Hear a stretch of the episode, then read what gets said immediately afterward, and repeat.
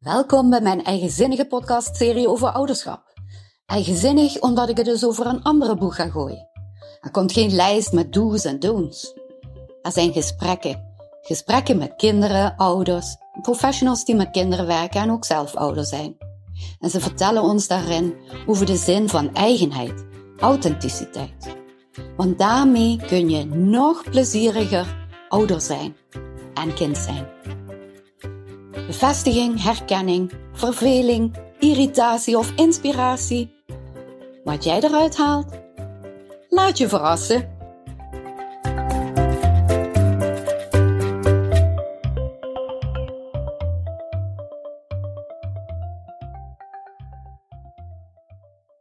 Hoi, in deze 17e aflevering praat ik met Milanda Hoebe. Zij is moeder, grootmoeder, leerkracht, kindercoach en rouwbegeleider. We praten over de hele mooie en de soms wat minder mooie dingen van het ouderschap. Luister je mee? Hoi Milanda, wat fijn dat je vandaag bij mij aan mijn tafel schuift om te praten over plezierig ouderschap. Ik ben heel benieuwd naar uh, jouw mening daarover. Vertel eerst eens iets over jezelf en je gezin, je werk. Goedemiddag Marjella. Fijn om uh, die uitnodiging van jou uh, te krijgen. Ik, uh, ik ben Milanda Hoebe. Ik ben 58 jaar. Ik ben getrouwd met, met Hans, mijn tweede partner. Mijn eerste partner is overleden op 47-jarige ehm, leeftijd. En in 2011 uh, ben ik met Hans, uh, met goedkeuring van de kinderen, ben ik uh, getrouwd. En samen runnen wij een samengesteld gezin met vier kinderen. Twee nog thuiswonend en twee uithuiswonend. Inmiddels getrouwd en alle kleinkinderen. Dus een heel rijk gevoel. En ehm, mijn werk bestaat op dit moment nog uit... in het basisonderwijs ben ik leerkracht bij uh, de kleutergroepen. Daarnaast uh, run ik een uh, praktijk in rouw- en verliesbegeleiding bij kinderen en jongeren. En ben ik rouw- en verliesbegeleider bij NIC, bij de kinderpalliatieve zorg. Nou ja, met heel veel plezier en passie ontmoet ik kinderen en ouders in mijn praktijk. Dus dat is zo'n beetje wat ik ongeveer doe. Wauw, dat is, nou, als we het mensen over het onderwerp kinderen hebben, dan heb jij er heel wat gezien in je leven. Ja, heel Niet wat. die van jezelf, maar ook andermans kinderen. Als ik zo uh, nadenk, dan uh, zijn we 38 jaar uh, verder in, in onderwijsland vanaf de dag dat ik dus ja, mijn eerste baan kreeg. En ja. ook op heel veel scholen leerkracht mogen zijn, dus nieuwe collega's mogen ja. ontmoeten. En ja, net als binnen rouw- en verliesland is het uh, ook daar elke keer weer welkom heten. En uh, je maakt de cirkel rond tot het moment dat je ook weer uh, afscheid neemt van elkaar. Ja. ja. Als je nou zoveel jaren ervaring hebt, hè, en het is niet zo dat ik alle kinderen op één hoop gooi, maar vind jij dat de kinderen van jouw eerste jaren toen je werkte anders waren dan de kinderen nu? Ja, ik denk als ik vergelijk de eerste jaren dat ik uh, werkzaam was binnen, binnen het onderwijsveld, um, hadden we toch, zagen we toch veel meer, ja, werd er minder en anders met kinderen omgegaan. Als ik zie, werd er toen veel meer uh, gespeeld met onderwijsmaterialen en uh, in de hoeken en dergelijke. En denk ik dat het wel van hogerhand meer van kinderen, van kleuters ook al wordt gevraagd.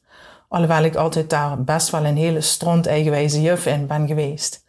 Omdat ik uh, altijd, uh, altijd zag hoe leuk het was als kinderen speelden. Ik kan me nog één heel mooi, mooi uh, moment herinneren dat ik um, op de bouwmat bij een jongetje meespeelde met de blokken en met de trein. En dat, dat jongetje na afloop, toen we in de kring zaten en mooie momenten van de dag uh, gingen aanhalen, dat het jongetje zei van, vandaag was voor mij de aller, allermooiste dag van de hele week. En ik was dus heel nieuwsgierig, dus ik dacht heel groot. En uh, Dus ik zei van, oh ja, wat, uh, wat wist dat dan? Nou, zei hij, mijn dag was vandaag zo mooi omdat jij met mij mee hebt gespeeld. En dat is mij altijd wel heel erg bijgebleven van op het moment dat wij als juf ook durven buiten die kaders te gaan en mee durven te bewegen met het kind, erbij gaan zitten, gesprekken aangaan, eh, dan krijgen we vaker vele mooiere, diepgaandere gesprekken met kinderen. En zien we ook vaker waar kinderen uh, over nadenken, ja. waar kinderen tegenaan lopen, of hoe kinderen spelen, hun momenten spelen van wat ze doorleven. En um, ja, zo wil ik eigenlijk heel graag juf zijn. Dus ja, dat is nog steeds. Uh, wow. En dat kun je eigenlijk niet, niet direct veranderen. Dus ik heb wel andere invalshoeken die dan uh, werden gevraagd vanuit inspectie. Of ja, je krijgt instructies. Hè? Je krijgt instructies, dus we probeerden daar altijd wel ons in te voegen en on, ons in te bewegen. Maar um, ik denk dat het ook wel anders kan. Ja. ja. Maar dat, uh, wat jij zei van God, jongetje zei het mooiste was dat je met mij meespeelde. Dat kunnen we natuurlijk ook doortrekken naar het ouderschap. Hè? Ja, ja. Als ik zelf kijk naar, naar nu, ja, als oma van, uh, van Finn, uh, van drie. En Isa en Des zijn een paar maandjes pas mm -hmm. oud. Uh, maar in het speelmoment met Finn, uh, of ik nu in de speeltuin uh, met hem speel en meega op de schommel, of in de zandbak koekjes ga bakken. Ik denk dat kinderen daarvan ook het meeste leren. Ja. Maar je ook de verbinding met je kind dan het grootste is. Ja, ja dat, dat, dat, kun je ook zelf voelen dan hè, ja. als ouder. Ja. En ik denk dat dat een heel fijn gevoel is. Ja, Kijk, als je, als je in de speeltuin zit en je, je ziet een kind ook uh, kiezen uit voorkeuren. Ja. Dat die, die, ene, die ene bewuste auto daar steeds naar terug gaat en daarop gaat sturen en schakelen. En het kind beleeft daar zijn mooiste momenten. Wie zijn wij dan om te zeggen dat hij de hele speeltuin moet, moet, hebben ja. gedaan voordat we met een goed gevoel naar huis kunnen gaan, bijvoorbeeld? Dat vind ja, ik een heel mooi voorbeeld. Ja, ja. Maar dan maken we meteen een eh, overstapje naar jouw eigen moederschap. Kun jij je een grappig, een ontroerend of een gek moment met een van je kinderen uh, herinneren? En dat mag van vroeger zijn, maar het mag ook iets recents ja. zijn. Nou, ik weet dat ik met, uh, met Anne, onze tweede dochter, is wel een heel leuk moment geweest. Want Anne was altijd dol op Pipi Langkous. En uh, nou ja, een hele mooie spreuk is altijd van, ik denk dat ik het wel kan. Hè? Ik ga het doen, dus ik denk dat ik het wel kan. Ja. En zij dacht ook echt toen, op haar leeftijd, en ik kan niet zo exact meer weten hoe oud dat ze was, maar ik weet wel dat ze beide een stapelbed hadden. En Anne ook dacht, want dat had ze in de aflevering van Pipi Langkous gezien, dat ze ook kon springen en vliegen en uh, ze dacht dat ze dat ook vanaf haar stapelbed kon. Dus uh, nou ja, gelukkig uh, is daar niks extreems yes, gebeurd. Ja. maar nu ze zelf moeder is van, van Des en, ja. en ze ook een hele mooie trouwdag heeft gehad, maar ook een dag voor haar trouwen als Pipi Langkous toch mee is geweest naar Gaia Zoo. Ja. Zie ik toch ook dat dat leuke kindstuk ook als je uh, getrouwd bent, echtgenoot en moeder blijft. Dus daar wil ik wel de mooie link met jou naar leggen, dat het kind in jezelf ook wel altijd nog aandacht verdient. Maar ook als je er naar durft te kijken, zoveel leuke dingen brengt. Ja, het is eigenlijk juist leuk, hè? Er ja. zijn mensen die vinden dat misschien um, nou dan, dat moet niet, want stel je voor, hè, je gedraagt je kinderachtig of wild of met die ideeën die je had toen je ja. klein kind was. Maar mij lijkt het gewoon prachtig als mensen gewoon hun eigen kinddingetjes lekker naar boven laten komen. Wat is er mis mee? Hè? Ja, maar ook durven te vertellen, denk ja. ik, aan je eigen kinderen van wat jij als kind heel erg leuk vond. Ja. Want dan kan het kind natuurlijk ook vragen terugstellen. En hoe mooi is dan een gesprek met jou uh, van moeder tot, uh, tot kind? Ja, mama weet je nog. Ja, ja dat. Ja, ja, heel leuk, ja. Maar goed, dus ik ben benieuwd of jouw kleindochter, als ze dan zover is, ook als gaat Ise, vliegen. Ja. Ah! Ja. Want ja, het hoort ook bij de ontwikkeling om dingen uit te proberen. Ja, absoluut. Dat Want door nou uitproberen, eh, ik zeg altijd zo van proberen kun je leren. Ja. En dat En dan zijn wij er als moeder, tenminste, of vader, dat maakt er niet uit, om eh, te zorgen dat dat binnen een veilige kader kan. Ja, ja. ja. Kijk, ik denk dat je als ouders van, ja, met een, met een vleugje terugkijkt naar je eigen jeugd. Hè? Van hoe je die hebt eh, beleefd. ja. En wat je misschien daar ook gemist hebt. En eh, wat je misschien je kinderen wel wil Naam wil geven. geven. En die het natuurlijk kan. ja. Maar ook dan weer kijkt van hoe jij als kind naar jouw ouders. Hè? Dus het is altijd ook leuk om in het ja. hele eh, systeem te kijken naar van, goh, hoe was jij als kind, naar jouw ouders? Hoe geef je door naar je kinderen en dan weer je kleinkinderen? Dus inmiddels is het ook leuk om al die generaties te zien. ja. Ja. En over generaties gesproken, wat voor dingen zijn er die jij nu met jouw volwassen kinderen graag wil doen? Nou, mijn kinderen geven misschien wel terug dat ze het heel fijn vinden. Ehm, toevallig hadden we het een paar weken geleden nog over hoe fijn dat ze het vinden dat ze dingen hebben. ehm, nee, ik moet het anders vertalen. Dat zij de gelegenheid hebben gekregen, de opening, om dingen bespreekbaar te maken. Dat ze, ehm, ondanks eh, dat het soms misschien moeilijke onderwerpen waren, gezien onze thuissituatie, waarin ik al in het begin van het gesprek vertelde dat eh, hun, ehm, ja, dat we- Vader hun vader was, overleed. Maar ook eh, jaren eerder, eh, in mijn vierde zwangerschap, ik ook afscheid moest nemen toen met mijn man nog en mijn kinderen van onze Axel, die toen op 2,5 jarige leeftijd stierf. Hoe oud zou die nou zijn? Axel zou nu, moet ik heel even nadenken, die zou nu in september 25 worden. Oh, ja. Dus een volwassen jonge man, Ja. waarin je vaker nog wel eens droomt van wat als. Ja, hè? natuurlijk. Maar ook een, eh, Blijf een, je kind. ja, een broer voor Steve natuurlijk. Want Steve is nu het jongste. En eh, ja, kan dan ook wel eens dagdromen hoe het was geweest als hij die broer, hè, nu Ja. in levende lijfde nog was hier was. Ja. En ehm, dus dat is wel ook eh, van ja, mooi om daar zo op die manier naar te kunnen terugkijken. En dat we ook die gesprekken natuurlijk nog geregeld hebben. En die zijn verschillend van aard. Die zijn, eh, ja, Steve heeft zijn broertje nooit gekend. Ja. Kent alleen onze verhalen. Zijn zussen natuurlijk wel. Maar hebben wel ook op verschillende leeftijden hun ervaringen met hoe het was om een vader te missen. Maar zijn jouw kinderen zo handig dat ze gewoon kunnen vertellen? Of moet je het ook bijvoorbeeld een beetje faciliteren door samen te gaan wandelen of ehm, samen iets te doen? Het is heel verschillend. Hè? Want ook bij kinderen natuurlijk, ondanks dat in een gezin een vader overlijdt, eh, gaan alle kinderen natuurlijk in hun, in hun rol die ze Ja. hebben, in hun band die ze met de overleden vader hadden of moeder. Ja. In ons geval de vader om, hè, ermee Mhm. om. En eh, ook natuurlijk de leeftijd die ze hadden op het moment dat het gebeurde. Ja, ja, ja. Dus als ik bijvoorbeeld kijk naar, eh, naar Anne, die heeft het verdriet van haar vader heel diep weggestopt. Ehm, omdat dat de manier was om verder te kunnen, hè, wat kinderen ook vaak doen. Ja. Die eh, hebben dus dan een besluit genomen van, goh, ik wil verder, ik wil met vrienden nu plezier maken. En ik kan de rouw daar even niet bij gebruiken. Maar in een moment dat ze nu afgelopen jaar eh, na een heel lang traject zwanger werd en al die blijdschap eh, moeder werd, dat we ook eh, daar nog even in het stukje van het, ouderschap ja. en het verdriet Ja. kwamen.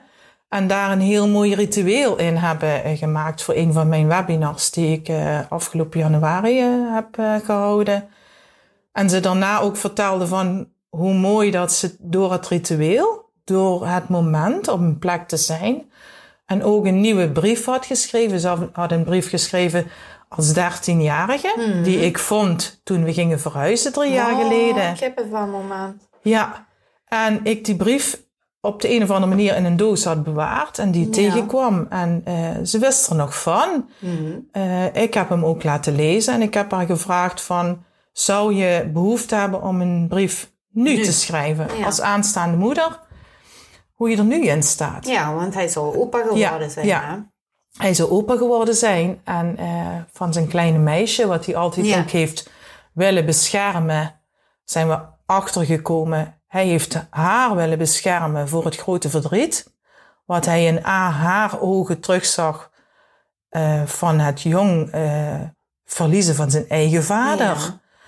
En daarvoor manieren ging creëren die voor een kind niet begrijpbaar waren. Zij heeft altijd gedacht van nou papa die vindt mij niet zo leuk en zo aardig. En ehm, ik zal er wel niet toe doen. Nu, door de gesprekken die we hebben gehad, ook door de leermomenten in de afgelopen jaren die ik heb mogen Ja. doen, ehm, heb ik haar daar kunnen uitleg aan geven, vertellen. En, heeft ze eh, die brief geschreven? ja, ze heeft een nieuwe brief geschreven. En eh, die is ook terug te zien op, eh, op- YouTube. Voor mensen die interesse hebben, die kunnen eh, dit ritueel met de brief aan het moment kunnen ze terugzien. Is misschien wel een, heel mooi iets. Vooral Moeten ze daar van, nog iets speciaals voor doen? Welke... nou, ik kan misschien wel bij deze podcast jou nog doorgeven op welk linkje zij kunnen afstemmen ja. om hem terug te zien. Dat is goed. Ja, en anders ehm, kan het ook eventueel via mijn website Oh, jouw nog. website. Ja, ja. Nou, Dus dan ik eh, jouw website ja. wel, ja. Dus daar is het heel mooi dat we dat kunnen, een stuk hebben kunnen helen van wat er lag. Een stukje boosheid. Ja, hè, een stukje oud zeer. Dus dat eh, ook jaren later, dat vond, vonden wij beide wel mooi om te, om te ervaren. Dat jaren later, hè, want ze is nu 29, toen 13 Ja. dat je dat toch nog altijd kunt doen. Ja. Hè, dat men- mensen weten van. Ja, eh, dat vind ik het wel een is mooie nooit boodschap. te laat. Het is hè? nooit te laat Ja. om, eh, Ja, om je hart te laten spreken. dat is misschien wel als we het hebben over plezierig ouderschap. Het is nooit te laat om Ja, maakt niet dingen uit, te helen Ja. of eh, aan Of sorry te te zeggen, ja. of sorry te zeggen. Of de opening te maken van, goh, toen stond het er, toen, een, eh, Ja, ja, toen toen, was het deed het er. Ja. Ja. Ik heb toen gedaan wat ik dacht dat- goed was. Ja, Maar nu kijk ik terug op deze manier. ja. Ook dat kan voor kinderen soms, eh, Maar ook voor ouders. ja, voor beide partijen. Want, ja, want ik bedoel, daar hoef je niet voor dood te gaan. Je kunt ook spijt hebben van bepaalde Ja. niet gedane of wel gedane Ja. acties. En ehm, daar is het ook nooit te laat voor. Nee, nee. Ik denk dat je eh, ook, ja, je blijft tenslotte ouder, hè? Ja, je en, leven lang. eh, je leven lang.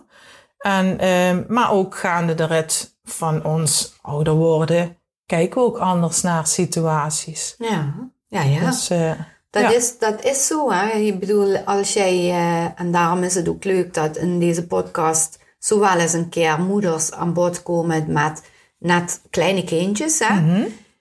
En eh, mensen zoals wij, die dan eigenlijk alweer wat grotere kinderen hebben en zelfs al oma zijn. ja, Omdat je daar verschillende fasen in hebt, ook voor Mhm. jezelf, hoe je over dingen denkt, hoe je met dingen omgaat. ja, En dat kan veranderen. zeker. En dat is ook niet erg. Nee, Want toen wij eh, net onze kinderen kregen, wisten wij ook niet eh, meer dan dat we toen wisten. nee, nee. Dat is nou helemaal zo. Kijk, wat dat betreft is het eh, ook niks mis mee dat het, het tijdperk van iPads en computers eh, brengt hele mooie, bijzondere dingen mee. Ja, Als ik zie de handigheid, hè, de handigheid van de kinderen, hoe zij met telefoons en noem maar op allemaal omgaan, daar kan ik wel eens af en toe jaloers op zijn. Ja. Maar van de andere kant denk ik ook, zijn de blokken aan het lijfelijk spelen met eh, allerlei Ja. momenten net zo goed. ehm, ja, heel mooi om te ervaren. Ik denk dat het naast elkaar moet lopen. Ja, dat denk ik ook. En het dat, buiten eh, spelen, hè, zoals jij al vertelde van goh, af aan eh, de speeltuin. Wat voor hè, mooie dingen geeft een speeltuin? Ja, of gewoon een tuin. Ja, een tuin om te ervaren. met, ja, Of een bos. ja, Ja. ja. Vandaar ook eh, binnen mijn praktijk dat ik ook wel vaker met kinderen dus echt naar buiten ga. Ja. Eh, ik woon niet zo ver van de Brunsumer Heide vandaan. Dus als ik vijf minuten loop, ben ik in het bos. En dan zie ik ook vaker dat kinderen dan op een hele andere manier reageren. Ja, dat was Zoals- eigenlijk ook mijn insteek van de vraag. Want kijk, jouw volwassen kinderen zijn gewend nu gesprekken met jou te hebben. Ja. Maar als je iemand bent met kleine kinderen, dan denk ik dat het best een goede tip is als je goede gesprekken wilt krijgen. Ja. Dan ga met ze in de natuur en speel even mee. Ja. En dan krijg je verbinding. Ja, zoals een jongetje eh, van, van negen, waarmee ik eh, een, een coachwandeling eh, dan deed. En ook van tevoren niet had bedacht. Hè, want dat is ook Nee. altijd zoiets van je beweegt mee met het kind. Je Ja, weet nooit je van. kunt niks voorspellen. Ja, dus we zeggen ook altijd, we gaan samen op pad en we zien wel waar we uit gaan komen. Ja. En dat hij ook in het bos ter plekke zei van, oh, dit voelt zo fijn. Oh. En dat een jongetje wat het hoofd helemaal vol had door alle situaties waar hij in zat, wat hij ook letterlijk in een eerdere coaching had laten zien, een overvol hoofd, Ja. hoe je dat kunt leegmaken. Ja. En de ene keer zal dat bijvoorbeeld zijn in de natuur, maar je geeft een kind ook een mooi anker mee, Ja. zodat het kind weet, hé, hey, wacht even, als ik Ga dus een wandeling, de natuur. als ik tekenen ga, of ik ga wandelen, of ik ga eh, bijvoorbeeld in mijn gedachten, Ja. Of muziek luisteren, of een verhaaltje Ja, luisteren. dat je dat anker kunt gebruiken om uiteindelijk je eigen stukje daarmee eh, zachter, eh, makkelijker te maken, noem maar Ja. op. En wij zijn heel hard bezig om de kinderen te leren, maar we moeten onszelf daar ook een beetje mee, ehm, zal ik maar zeggen, op beide pootjes houden. Want Mhm. we hebben als volwassenen ook door omstandigheden de neiging in het hoofd te gaan zitten. Ja, absoluut. En dan verlies je ook de verbinding Ja. hè, met eh, iemand die wel nog geaard is. Ja. Vergelijk het altijd met het hele huis waar je in woont. Hè? Je gaat ook niet alleen op de slaapkamer eh, vertoeven, Nee. maar je woont, als het tenminste kan, Ja. woon je in alle, ehm, in het hele huis, in alle ruimtes. Hè? Ja. Dus hoeveel ruimte geef je je ook om in dat hele huis te ervaren hoe het overal voelt? Ja. En dat is bijvoorbeeld, eh, ja, het hele huis is je hele lijf. Dus ik ben ook altijd wel van de metafoor of de voorbeelden. Want Ja, ja, vooral kinderen, voor, ja. kinderen die, die zien dan, hè, meestal zie je ook aan de ogen van dat ze de beelden kunnen. Ja, de visualisatie komt er dan. En ehm, hè, van, goh, ben je alleen op de zolder of ben je ook wel eens eh, in, In de kelder? in je kelder of op de slaapkamer? Wat kun je overal ontdekken? En, eh, en als je in je hoofd zit, eh, wat voel je dan bijvoorbeeld nog in je buik? Of voel je dat wel? Ja, want dan... Kun je dat eh, voelen? Ja, Be- ja, ja, beweeg iets en voel je je teen. ja, Dus, dus die, eh, ja. die En verbinding maken met je lijf. Wij eh, zijn dan, eh, is geen toeval natuurlijk, alle twee ook mensen die werken met kinderen. Maar als je gewoon ouder bent, dan heb je natuurlijk ook wel eens momenten dat het niet zo lekker loopt. Mhm. Wat, eh, hoe loste jij dat vroeger op? Toen ze nog wat kleiner waren. Bedoel je gewoon in het contact met ja, de in kinderen? het contact of wanneer kinderen ehm, iets teleurstellends of iets vervelends meemaakten of pijn hadden. Ja. Hoe, hoe deed je dat op zo'n moment? Of wat zou je zeggen om nu te doen als ze nu met zoiets aankomen? Ik denk dat het vooral, ehm kijk eens van, goh, wat, wat gebeurt er hè? Met het kind? En eh, ik weet bijvoorbeeld dat wij een keertje weg waren geweest met z'n tweeën en zij voor de eerste keer alleen thuis waren. En ik mij echt te pletter heb geschrokken toen wij terugkwamen, want toen bleek dat een tussendeur naar de garage glas eruit lag. En ik dacht, jee, mie, nee, wat is dit? Ja. En ehm, wat is hier gebeurd? Dus ja, je schrikt, je gaat meteen Ja. eh, dat. Maar ehm, ja, het bleek dat de zussen onder elkaar nogal een, eh, Heftig een heftig dingetje hadden. Ja. En de een had de deur ehm eh, v- vastgedaan. Die wilde dus even, even ruimte hebben en eh, niet met haar grote Nee, bemoeiende ja, zus. Even alleen zijn. Nou ja, en die deur was dus de tussen, was eigenlijk van, eh, nou nu even niet. Dus ja, het heeft het glas gekost. Nou, dan kun je boos worden. Het eerste moment was ik Ja. natuurlijk geschrokken. Ja. Op dat moment had ik ook zoiets van, jee, wat is er gebeurd? Want je denkt in eerste instantie, iets ergs. Ja, ja. Ondanks dat het dat helemaal niet hoeft te zijn. ja. En dat je daarna wel ook ehm, beide partijen vraagt van, goh, hè, we hebben dit gezien, dat en dat. ehm, wat, wat is er gebeurd? Dat dit uiteindelijk de oorzaak, hè? Wa- Wat was de oorzaak dat dit gebeurde? En ehm, zonder dat je meteen begint te schelden Ja, en want terwijl boos. jij dat want- voorbeeld nog aanhaalt, denk ik eh, dat ehm, dat is wel eens gebeurd hoor, toen mijn kinderen jonger waren. Bijvoorbeeld omdat moeders snel schrikken of bang zijn dat Mhm. er iets gebeurd is. Als een kind te laat thuis komt, snap je? Ja, al is het maar vijf of tien minuten. ja, En ehm, dan heb je vaak als eerste de neiging om boos te worden. mhm. Maar eigenlijk zou het veel fijner zijn wanneer je dat even kunt laten rusten. Totdat je weet waarom het kind vijf minuten later was. En kijken van oké, hij heeft niks Ja. aan zijn lijf. eh, Nee. Alles is in orde. Dus even ja, geen paniek en Ja. geen boosheid. Eerst luisteren. Maar dat is niet zo makkelijk. Hè? Nee, ik weet een hele leuke anekdote hiervan. Oh, vertel.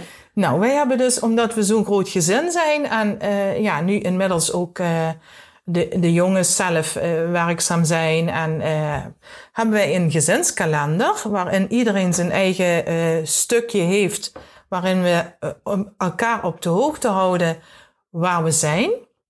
Een, een Want- fysieke of een telefoon? Eh, nee, niet een fysieke. We hebben, of we hebben gewoon een, een eh, fysieke kalender van ja. papier Ja. aan de muur hangen. Ja. Daar staat een foto en bij die foto hoort jouw hele week. Oké. En als je dus binnenkomt en je, wil even weten van waar ik ben of waar eh, papa is of noem Ja. maar op, kijk je naar de kalender en is het vaker duidelijk. Want Ja. wat gebeurde namelijk, je kunt natuurlijk net al zeggen van, eh god, de kinderen zijn later, maar ook Wij jij, ook wij, komen. Ja. wij komen natuurlijk ook later en ik betrap me erop dat ik dat ook wel eens deed zonder dat te melden voordat die op de kalender stond. Maar, en dat ik thuis kom en daar ook werd gezegd van, waar was je, waar bleef je? En waarom heb je niet even geappt? Ja, het was maar een kwartiertje. En, en dat je daarin ook merkt van, ja, ik maakte mij al ongerust. Dus toen is bij mij ook het besef eigenlijk pas binnengekomen van dat als jij die andere partij bent, ja. ongeacht of dat nu het kind is Nee, dat maakt niet uit. of ja. de ouder, maar ehm, er gebeurt iets Ja, in je hoofd en je denkwijze. Ja, en het slaat soms zelf op hol. Ja, Ja. ja. en het kan met je aan de haal gaan. Ja. Dus vaker is, ehm, ja, is de boodschap onder elkaar geweest van ouder, ouder-kind van laat even iets weten als het uitloopt. Of dat je toch niet thuis komt eten. Ha, Ja. maak, elkaar, ehm, maak elkaar duidelijk van of, of meld even waar je bent. Dat voorkomt Ongeacht- een heleboel andere Ja. Ja. Kijk, en als het een keer is van dat je toch al alles klaar hebt staan om te eten, nou ja, dan vries je het in en heb je de Ja. dag erna. Dus er is ook wel wat ik eh, door de hoeveelheid kinderen natuurlijk ook wel ehm, vaker ben gaan doen van over alles is wel een oplossing. Ja. Dus je wordt ook een stukje gemakkelijker. ja. En ik denk dat kinderen altijd zoiets hebben geleerd van, hè, dat, dat een van de kinderen ooit jaren later tegen mij zei, ja maar mama, jij zei toch vroeger altijd van, soms moet je met je neus tegen die deur aanlopen om uiteindelijk achteruit Om te vallen of Ja. te stoten. Dat je weet, hey, dit eh, moet je volgende keer misschien anders doen. Ja, want ik weet nog, dat dacht ik toevallig vanmorgen aan, dat ehm, iemand zei tegen mij van, ja, ik wil nog niet dat mijn dochter alleen op vakantie gaat. Toen dacht ik terug aan de eerste keer dat mijn zoon alleen op vakantie ging, met jongens naar Spanje. Ja. En met een bus, dat ging toen in die tijd zo. Eh, het nachtleven in en ik hield mijn hart al vast. En hij had een beetje contant geld bij zich en de rest voor onderweg en dan zou hij daar pinnen. Een bepaald bedrag hadden we, zodat hij niet te veel kon pinnen. Maar, wat gebeurt? Na één dag belt hij op en zegt hij, mam, ik heb al het hele geld opgemaakt. De pinpas was daar ingeslikt. Die deed het dan niet meer. Dus in eerste instantie krijg je dan ook weer zoiets. Slaat je hoofd op hè? Je wordt tegelijkertijd boos, bang, gefrustreerd. Want je hebt hem geleerd en van tevoren zo vaak gezegd. Zo moet je dat doen, zo moet je dat doen. Let nou op. Hè? Niet meteen alles verbrassen. En toch gebeurde dat. Ja. En na de hand, dat is gelukkig met een telefonische overboeking, maar dan ben je wel weer even in paniek. Heeft hij dus even een dag helemaal eh, niks kunnen doen. Ja, nou ja. En eh, daarna heb ik dan toch wel weer geld overgemaakt via een telefonische overboeking. Dat ging in die tijd zo. En, ehm, maar hij heeft, het is hem nooit meer gebeurd. Nee. Dus dat is zo. Ja. Soms moeten kinderen hun neus stoten Ja. om de les pas echt te snappen. Ja, zeker weten. dat soms- is nou helemaal zo. Kijk, wij zijn ook met vallen en opstaan Ja. wijzer geworden, hè? En eh, op het moment dat jij, wat ik nu wel in deze tijd vaker zie, we willen de kinderen voor alles beschermen. Of dat nu eh, het klimrek is, Mhm. Ja, maakt niet of, uit. Of zoals afgelopen winter zo leuk was, dat op de speelplaats een grote ehm, plas water, bevroren, ijs. Ja, En ik weet, er, er is niks leukers als met je schoenen een, een, een, een, een glijbaan te maken. Ja. Hè? En dat, dat ik ook zag, een van de ouders of een van mijn collega's zei van, dit is levensgevaarlijk. En eh, we moeten hier pionnen gaan zetten en noem maar op. Dat ik denk, ja, maar op het moment dat wij pionnen gaan zetten en kinderen niet daar hun grenzen kunnen opzoeken, Leren ze niet. leren ze het niet. Dus we kunnen, ik denk dat het steeds een afweging is van, gaan we het nu wel hier neerzetten of gaan we zeggen van, jongens, het is glad, laat je op. Ha, dus, En twee keer gevallen, ja. ja, Maar daar komt meteen bij een ander mooi ding. Want jij vertelt nu weer een voorbeeld van eh, op je werk, zal ik maar zeggen. Hoe doe jij dat eigenlijk? Dat mixen van moederervaringen met ervaringen vanuit jouw werk. Want dat overlapt elkaar soms. Nam jij dat mee naar huis? Deed jou bij jouw kinderen zoals je het op school deed? Of andersom? Ehm, ik denk dat ik op school wel eh, voor een stukje niet alleen de juf was, maar ook een moederfiguur. Hè, die ook troost. En die ook... ehm Ja, want je had ook je- kleintjes. Hè? Ja, ik had natuurlijk de kleuters. Dus, eh, maar ik denk ook als je geen kleuters hebt en je hebt een middenbouwgroep of bovenbouwgroep. Ook dan is het heel belangrijk dat je dat luisterend oor bent. En dat je voor, voor het kind, eh, dat het kind weet in de klas van ik word gezien en gehoord en ik kan bij de juf terecht of Ja. bij de meester. Hè. Andersom, van school de zorgen hè, om kinderen of de zorgen die ouders bijvoorbeeld wel eens uitspraken, die nam ik ook wel eens mee naar school. En dat ik ook bijvoorbeeld eh, daar wel eens mee in kon wegzwijmen en dat ik dacht van, goh, nu moet ik even het parkeren Ja, voordat het van invloed wordt op mijn eigen thuissituatie. ja. Dus dat is wel, eh, school is school.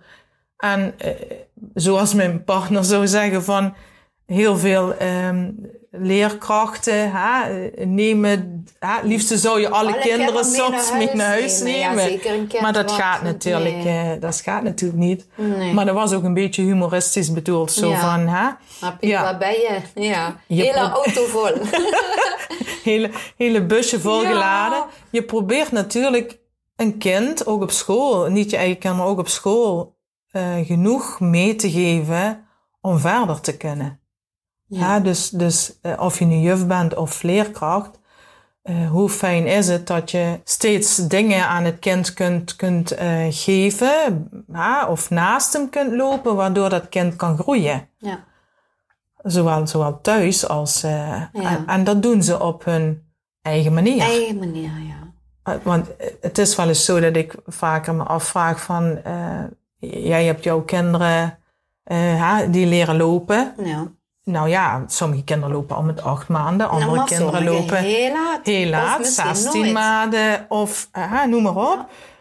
Maar ook binnen het leren op school. Ja, want in, in die, uh, we stemmen dan altijd wel eens af van wat is normaal. En wanneer is het buiten de kaders. Ja, Ha? ja. dat is ook maar uh, een persoonlijke visie, hè? Een persoonlijke visie. Ik denk eh, dat je, um, of ik, ja, voor mij zou het gewoon fijn zijn, ook als ik kijk naar mijn eigen kindstuk, dat je een stukje geloofwaardigheid natuurlijk van de mensen om je heen mag hebben. Ja, en respect ook. Hè? Respect, maar ook eh, het vertrouwen. eh, ja. de, de, ja, vertrouwen vind ik ook al Ja. zoiets. Vertrouwen. En ik denk dat je de, de, de basis mag creëren waarin het kind weet, ik kan een stukje terugvallen. Ik kan Ja. een stukje weer vooruit. Maar soms heb ik je nodig. Ja. En soms dan ga ik alleen. ja. ja. Dit kan ik alleen. En ehm, En als ik niet meer wil, ga ik terug Ja. naar mijn veilige haven. ja, Ja. ik denk dat dat wel een, een mooie vormgeving is. Zoals ik naar kinderen kijk, ongeacht of het nu mijn eigen kinderen zijn Nee, of, eh, of kinderen in mijn werk. ja. Ja. Dan komen we al meteen weer aan de laatste vraag. Het is ook wel een mooie afsluiting. Wat zou jij ehm, nog willen vertellen over plezierig ouderschap? Heb je een tip of heb je een signaal of iets wat je gewoon wil meegeven als belangrijk ding? Ik denk dat eh, als ik naar mijn tweede dochter luister afgelopen eh, week, die zou zeggen: Mama, ik heb nooit gedacht dat het ouderschap, het moeder zijn of ouder zijn, zo zwaar was. En dan kun je wel zeggen: van ja, wat is dan zwaar? Het wordt ook vaak heel rooskleurig gemaakt. Ja, het is allemaal roze Het is zoals hè? zij zou zeggen, van je zit bij haar is natuurlijk van eh, gestapeld dat je eerst een verlangen hebt voor een kindje. Dat gaat niet vanzelfsprekend. Dan word je eh, zwanger, eh, dan zijn er wat complicaties in de zwangerschap. Uiteindelijk na de bevalling, de bevalling komt eerder en dan ben je ineens moeder van. En ze zegt gewoon wat er allemaal op je afkomt. Hè, waar, waar nooit over wordt verteld. En misschien wel het, het, het diepste daarin was dat zij zegt van, mam, niemand heeft het erover. Niemand heeft het erover dat het bijvoorbeeld zwaar is. Het lijkt alsof je dat dan niet mag zeggen. Ja. Alsof het niet bij deze, alsof het er niet bij hoort. Hè? Dat je op het moment dat je ouder wordt, altijd blij, zijn, vrolijk Ja. En, en noem maar op moet zijn. Ja. Maar ook daar ervaar je alle weerberichten. Tuurlijk. En, eh, en maak jezelf niet gek met ehm, Dat is het bij ideale zo. plaatje. Ja. Het ouder zijn, eh, misschien word je pas ouder op het moment bij de geboorte. En eh, sla je een, een bladzijde van een boek open wat onbeschreven is. ja. Je hebt geen idee. Dus, Maar eh, niemand heeft dat nee. idee. En ik denk dat we de taboe van het er niet over mogen hebben, of dat, nu, of dat nu het verlies is, de rouw om iets wat je verliest, Ja. wat anders wordt, of eh, het moederschap, het, eh, het ja, niet het ideale plaatje, Nee, nee, dat is er gewoon niet. nee. Maar laat wel de opening er zijn. Ja. En, En het is ook fijn dat inderdaad dat dat... Het kan gewoon niet vaak genoeg gezegd worden. Als je het zwaar vindt, praat met iemand. Laat Ja. het aan iemand merken. Want gedeelde smart is halve smart. ja, ja, Hè? En je krijgt soms op onverwachte momenten tips hoe je het net even anders kunt Ja. doen, waardoor het weer even wat lucht krijgt. ja. Want het gaat over, Mhm. alleen als je in zo'n zwaar weer zit, dan zie je alleen maar die donkere Ja. wolken. Dan zie je de zon nog niet. Die beren op die weg, die Ja. hebben we natuurlijk allemaal. Ja. En of je nu kleine kinderen of grote kinderen Nee, hebt. Hè. Het spreekwoord blijft kleine kinderen, kleine zorgen. Hè. Grote kinderen, grote zorgen. Maar ehm, het gesprek erover, het, eh, het vertellen hoe je het ervaart, ja, dat mag volgens mij veel meer. Ja. Ongeacht of je er wel of niet iets mee moet. Nee, dat hoeft ook niet. Het spreken over, hè. Ja. Het spreken over. Dus eh, ja, we hebben het over zoveel dingen. Ja, en we komen helaas aan het einde van ons gesprek, maar dit was ook weer zo'n mooi gesprek waarbij je ziet van, mijn god, er liggen nog 10.000 onderwerpen om over verder te praten. Dat hoeft niet met ons twee, met elkaar per se, maar dat kun je ook met je kind, met je kleinkind. Hè? Er Ja. is zoveel moois om over te praten en daardoor nieuwe inzichten of gewoon een gevoel van verbinding te krijgen. Doe dan godsnaam. Ga eraan mee aan de slag en merk hoe je je daar lekkerder bij voelt. Ja, Want zeker dat is mens zijn, hè? Ja, En eh, een mens is toch op een of andere manier, eh, ook al ben je voor je gevoel misschien een Einzelganger, toch een, een eh, eh, wezen. Een groepsbeestje. Ja, een groepswezen. Ja, Hè?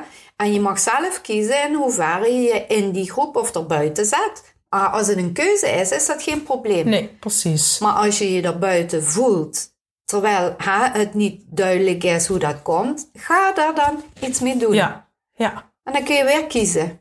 Je kunt altijd kiezen. Je hè? kunt altijd kiezen. Kijk, en het is eh, ook naar je kind, maar ook naar, naar jouw innerlijke kind. Er is altijd een keuze.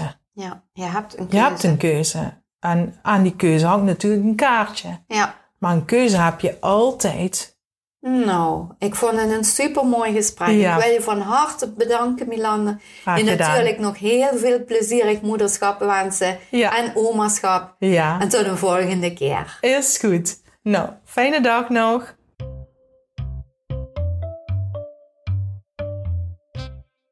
Superleuk! En dank je wel dat je luisterde naar deze aflevering. Wil je meer van deze verhalen horen? Abonneer je dan. En je kunt me nog een groot plezier doen door andere mensen attent te maken op mijn luistermomenten. Graag tot de volgende keer.